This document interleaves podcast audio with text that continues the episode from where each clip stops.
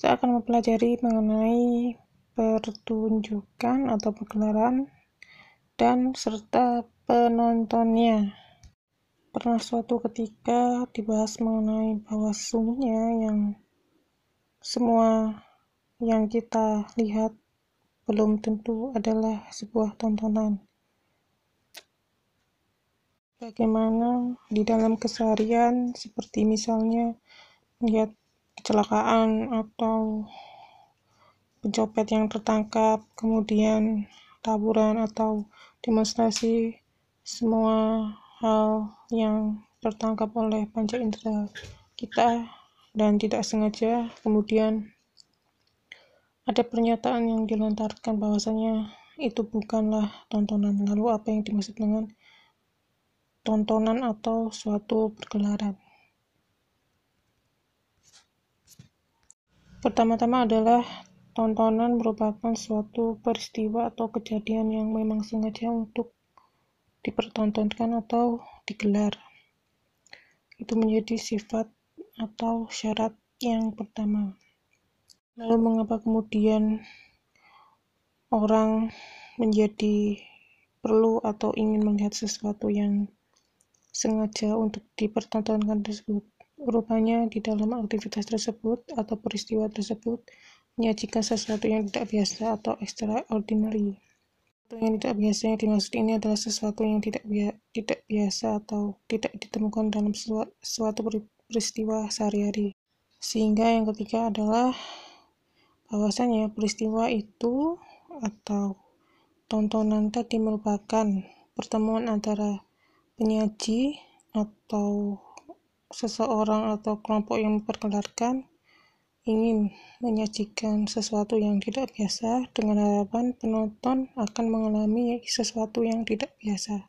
Orang atau seseorang pergi menonton suatu pergelaran, merasakan atau sadar bahwasanya ia akan menjumpai, mendengar, melihat, atau mengalami hal-hal yang tidak biasa.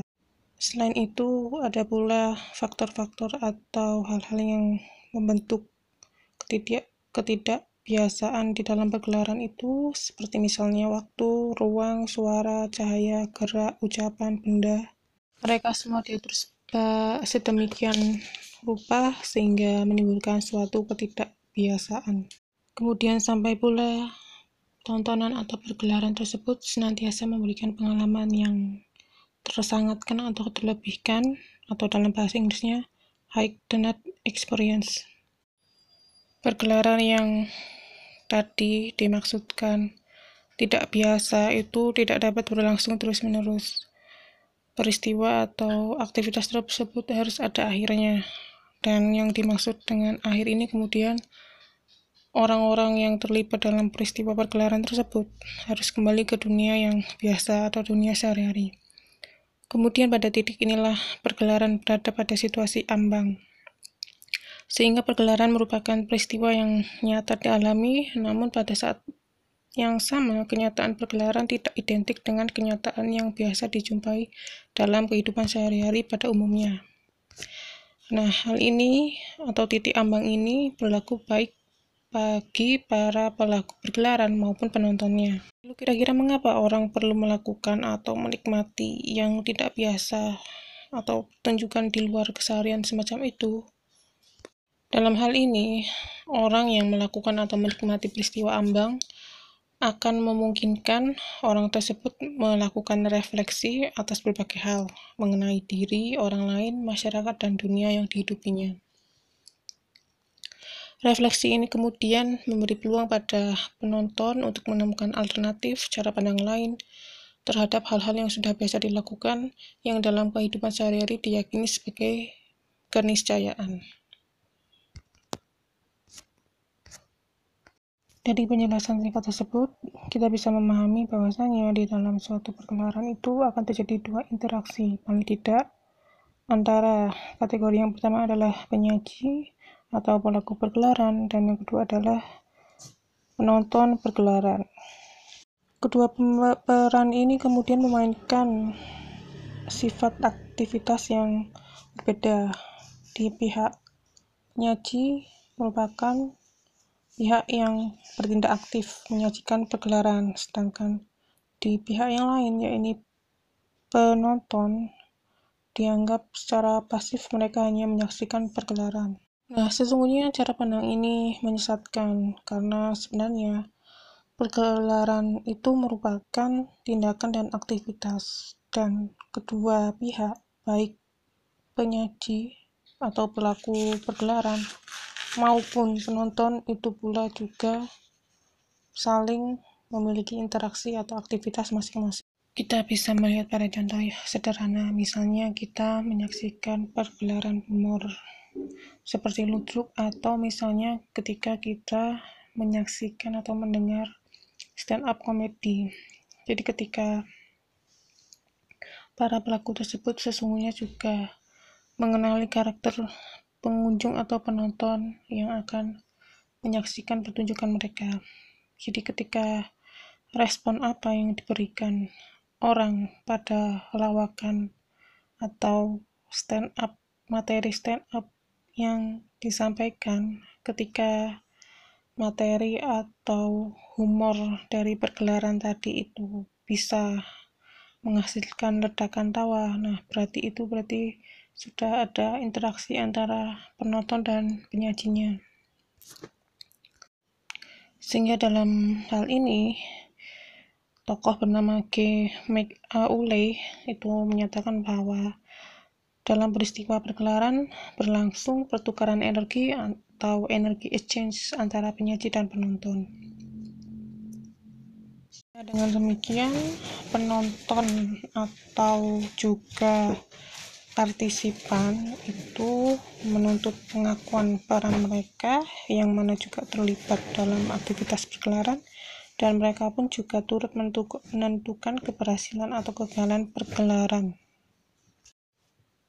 Lalu kemudian apa yang terjadi pada partisipan non penyaji, penyaji ketika berada dalam peristiwa pergelaran?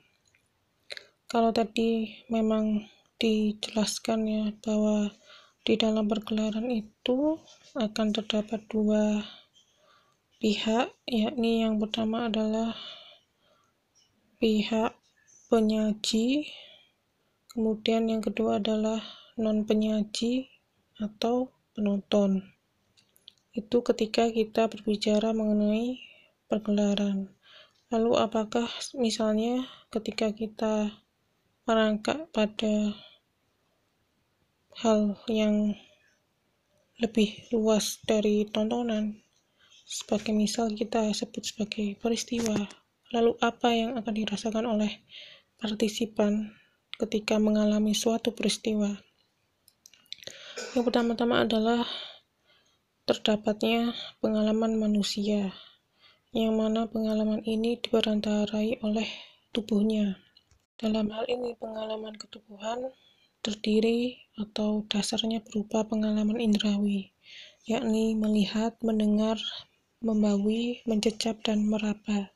Mengalami ini tidak hanya proses rangsangan dengan pengindra saja, melainkan juga melibatkan pengetahuan yang menubuh atau embodied connection sehingga mengikut sertakan proses mental seperti mengingat, memikirkan, dan membayangkan. Dalam hal ini, mengalami juga berarti menafsirkan atau interpreting yang dipengaruhi pula oleh faktor-faktor individual maupun budayawi.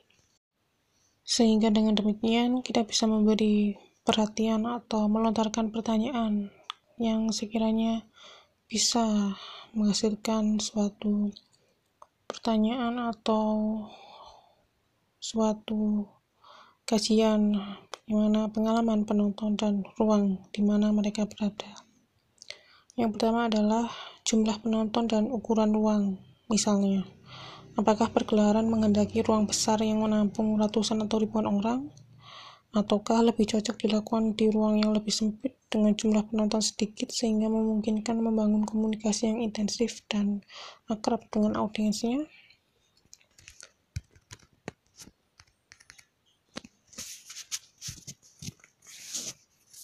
Kedua, stabil atau cairnya batas-batas ruang pemain penonton. Sehingga, apakah pemisahan ruang penonton dari ruang permainan merupakan pilihan yang tepat dan tak dapat diganggu-gugat?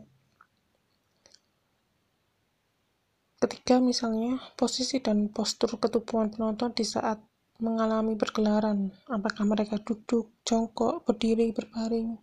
Posisi mereka berada lebih tinggi, sejajar, atau lebih rendah dari ruang permainan? Itulah kira-kira pertanyaan-pertanyaan yang bisa menggugah untuk melihat bagaimana interaksi antara partisipan aktif, dalam hal ini adalah pelaku pergelaran, serta atau dengan partisipan non-penyaji dalam hal ini juga adalah penonton.